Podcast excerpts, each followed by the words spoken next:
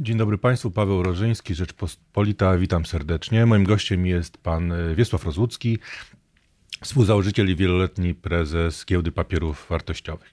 Witam pana, panie prezesie. Witam również. Panie prezesie, czy mm, obecne wydarzenia na giełdach nie przypominają panu przypadkiem roku 2008 jesieni? Zdecydowanie tak. To znaczy, e, spadki na giełdach są bardzo, bardzo podobne. E, dynamika jest niezwykle ostra. Kierunek jest jeden, czyli w dół. E, natomiast przyczyny są zupełnie różne. Wtedy była obawa o przyszłość sektora finansowego. W aktualnym wypadku nie mamy tutaj żadnych obaw, jak na razie, o E, przyszłość sektora finansowego. E, I również nie ma żadnych posądzeń, że przyczyna wynika e, czy to z funkcjonowania banków, czy, czy giełd. Natomiast jest jedna rzecz wspólna: obawa przed przyszłością, duża niepewność, czyli niepewność to, to jest ryzyko, którego nie można zmierzyć. E, wtedy, w 2008 roku, obawialiśmy się e, no, czegoś, co się nazywało meltdown, e, czyli takiego załamania systemu finansowego. Dzisiaj się boimy o zerwanie dostaw, więzi kooperacyjnych, różnych regulacji, które nakazują ludziom pozostanie w domach, więc całkowity być może upadek e, niektórych sektorów. E, mam nadzieję, że przejściowy, więc e, w tym sensie również widzimy brak jakichkolwiek wiarygodnych analiz co do krótko, średnio okresowych skutków tych wydarzeń. Więc to są cechy wspólne. Widzimy, że giełdy reagują bardzo mocno na e, wydarzenia, których efektów nie można przewidzieć. I zarówno w 2008 roku, jak i teraz jest dokładnie to samo, chociaż, jak powiedziałem, przyczyny tych wydarzeń są diametralnie różne. Sytuacja może się wydawać troszkę jakby odwrotna, bo wtedy doszło do załamania najpierw świata finansów, również z giełdami, to się rozlało na realną gospodarkę. Teraz jakby wydaje się, że to jest trochę odwrotnie, że ta realna gospodarka została potwornie uderzona przez zerwanie więzi kooperacyjnych i to się odbija na, uderza w giełdy, prawda? Czy, tak czy, jest. No, to tak postrzegać. E, można powiedzieć, e, to, że na giełdach są spadki, e, to po prostu pokazuje oczekiwania inwestorów na temat niepewnej przyszłości.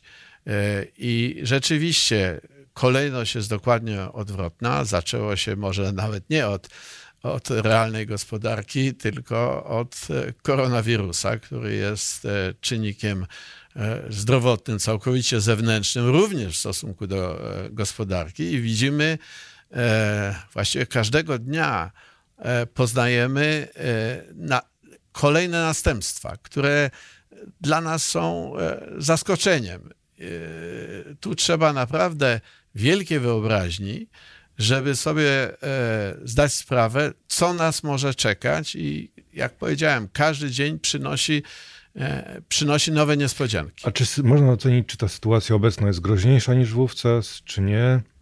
Y, no, wydawałoby się, że y, tak na zdrowy rozum. Pamiętamy te 10 lat, ponad 10 lat temu to załamanie. Wówczas świat sobie poradził. Zasypano rynki pieniędzmi, jakoś z tego wykaraskaliśmy się, lepiej lub gorzej. Więc teraz ludzie mogą myśleć, no skoro wtedy było tak trudno, a udało się z tego wyjść, to może teraz nie będzie tak źle. Ja porównuję, panie redaktorze, co innego. To znaczy e, opinie e, analityków, komentatorów w trakcie tamtego kryzysu E, z opiniami dzisiejszymi. I one są bardzo podobne, czyli strach przed tym, co będzie, niepewność. Oczywiście w momencie, kiedy żeśmy sobie poradzili z poprzednim kryzysem, to już komentarze się zmieniły, bo wiadomo było, że to ryzyko było trochę większe, zdaliśmy sobie, e, daliśmy sobie z tym radę. Natomiast być może za pół roku będziemy w stanie porównać efekty jednego i drugiego. Ale dzisiaj jesteśmy zupełnie w innym momencie takiego cyklu, również cyklu strachu czy, nie, czy niepewności. Teraz, co do środków zaradczych. Wtedy rzeczywiście dosypano w przenośni pieniędzy i to uspokoiło rynki, szczególnie rynki finansowe. Można się tutaj różnić, czy jak ten dopływ pieniędzy wpłynął na całą gospodarkę, bo na rynki finansowe na pewno dobrze. Natomiast jak na całą gospodarkę, to tutaj są różne opinie.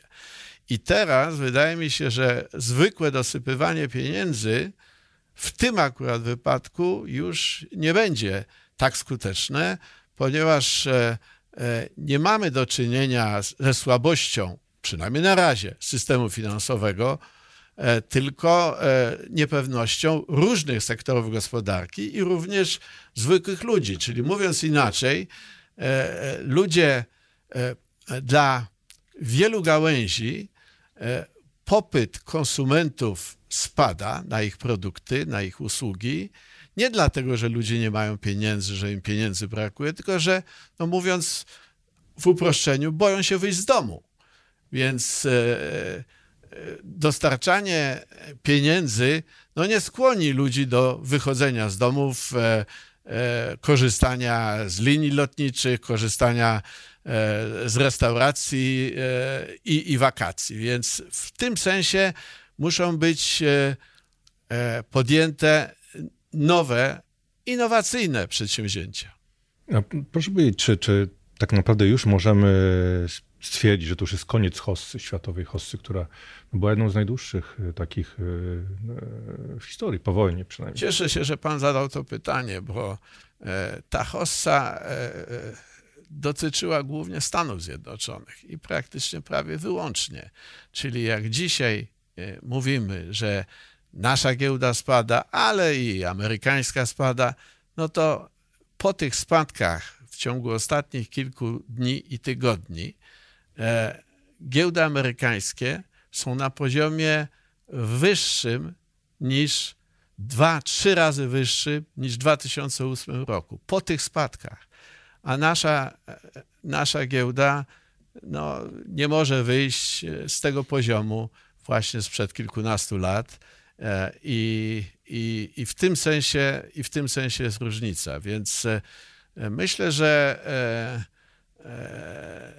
efekty dla naszego rynku są niestety poważniejsze, bo giełda amerykańska, jeszcze raz to powiem, e, miała tak dużą hossę, że mówiąc potocznie, miała z czego spadać, prawda?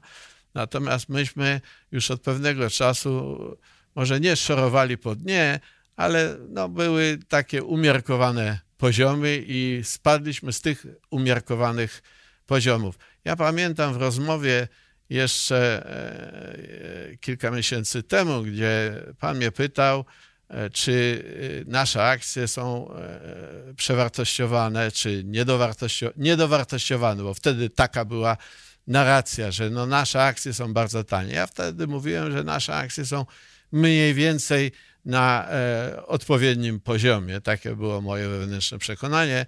No, po tych spadkach myślę, że stają się tanie, stają się tanie, ale... Pytanie, czy nie będą jeszcze tanie, ale zawsze to pytanie zawsze mają to podają. pytanie, e, że w takim nastroju strachu trzeba dużej odwagi, żeby patrzeć całkowicie fundamentalnie, racjonalnie i zacząć e, kupować, chociaż z perspektywy czasu może akurat to się okazać najlepszą strategią. Tak, bo to jest to, to, to, ten dylemat, czy, czy akcje są tanie kupować, czy łapać spadający nóż, bo właściwie nie wiadomo, czy to jest tak, czy to jest tak. No właśnie, więc ten... E, e,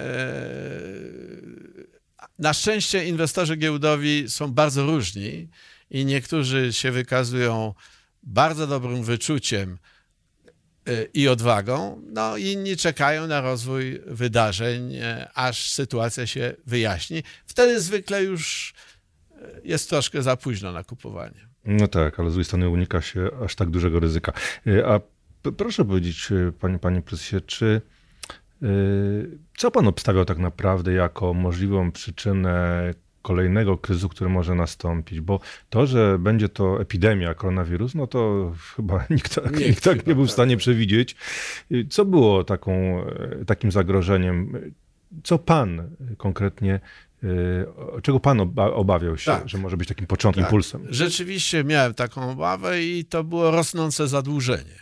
Zadłużenie e, i to nawet nie, nie tyle rządów, ile, ile przedsiębiorstw. E, przedsiębiorstw w krajach, e, w gospodarkach e, wschodzących. I ja myślę, że to zagrożenie nadal jest aktualne. Może się dołożyć do tego. Może się dołożyć, bo mówiąc inaczej, teraz wszyscy rozmawiamy w tych kategoriach zdrowotnych, że koronawirus dotyka ludzi mniej odpornych, prawda? W odpowiednim, znaczy w starszym wieku, mniej odpornych, e, e, których trapią jakieś przewlekłe choroby. I proszę zauważyć, że w gospodarce można to samo powiedzieć. To znaczy, jeżeli gospodarka e, nie ma rezerw, gdzie jest nadmierne zadłużenie, czyli E, e, gdzie e, nie można stosować standardowych środków finansowych i makroekonomicznych, chociażby takich, że no, trudno teraz obniżać stopy procentowe, kiedy one są w Europie Zachodniej bliskie zera, prawda, albo poniżej.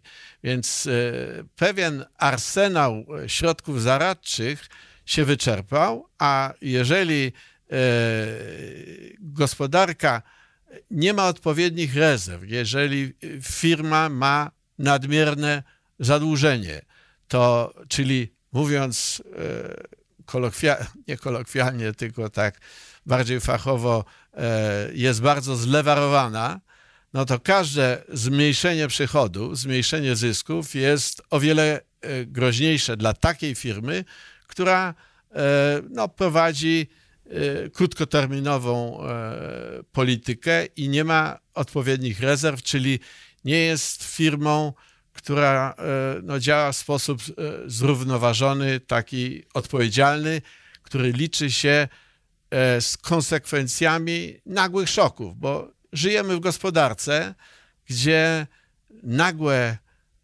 niespodziewane szoki zdarzają się coraz częściej mamy gospodarkę zglobalizowaną i efekty e, negatywne w jednej części świata, jak widzimy, bardzo szybko się przenoszą na resztę świata. Więc dzisiaj e, odpowiedzialny rząd, odpowiedzialna firma powinna brać pod uwagę sytuację negatywną, na którą trzeba stworzyć zawczasu rezerwy. No właśnie, a u nas było tak, że yy tych ekonomistów, którzy mówili, skończmy z deficytem, którym permanentnie kraj jedzie. Yy, już wkrótce może nastąpić jakieś spowolnienie. No, kryzys nie, nie, nie, może nie, nie padało tak często, ale spowolnienie gospodarcze. Musimy być gotowi. Zbywano tym, że kraczą i są zbytnimi pesymistami. I rzeczywiście pierwsze lata teraz, znaczy ostatnie lata 2018, 2019, 2017, to były bardzo dobre lata na koniunktury, koniunktury światowej. Mówiono, no, no i co, krakaliście i co, nic, nic nie wyszło. Widzi pan, to znaczy ten, ten, e, to można odnieść i do polityki gospodarczej państwa, i do polityki poszczególnego przedsiębiorstwa. Dokładnie. E, ja rozumiem, e, patrząc tutaj, dzisiaj jestem na tym spotkaniu z panem i widzę, że redakcja działa, chociaż wszyscy pracują zdalnie. Na to byliście przedtem przygotowani. Również giełda, którą kiedyś kierowałem, e, jest od e, ponad 20 lat przygotowana na e, wszelkiego rodzaju zagrożenia, które przez ostatnich 20 lat w ogóle się nie wydarzyły. Trzeba po prostu brać pod uwagę scenariusze bardzo nieprawdopodobne, które jednak się mogą wydarzyć. I, i bardzo często przygotowanie się na tego typu kryzys, czy jakikolwiek kryzys, kosztuje każdego roku, ale bezpieczeństwo zawsze kosztuje i czasem e, pozytywny efekt tych środków zabezpieczających następuje po kilkunastu latach, po dwudziestu, ale się opłaca. A czy jesteśmy w stanie ocenić, ile jeszcze y, musiałoby powstać to, to zamieszanie związane z koronawirusem, y, żeby to rzeczywiście był dramatyczny cios dla giełd i światowej gospodarki, ale taki, po którym już się one prędko nie podniosą? Nie, giełdy tak się... Jak w 2008 roku. Nie, giełdy się zawsze e, podnoszą i można powiedzieć, im bardziej e, dramatyczny spadek, tym szybsze odbicie. Tak się, tak się zwykle mówi. E, I myślę, że tutaj efekt dla finansów będzie, będzie stopniowy.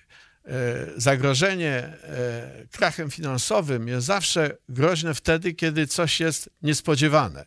Czyli mówiąc inaczej,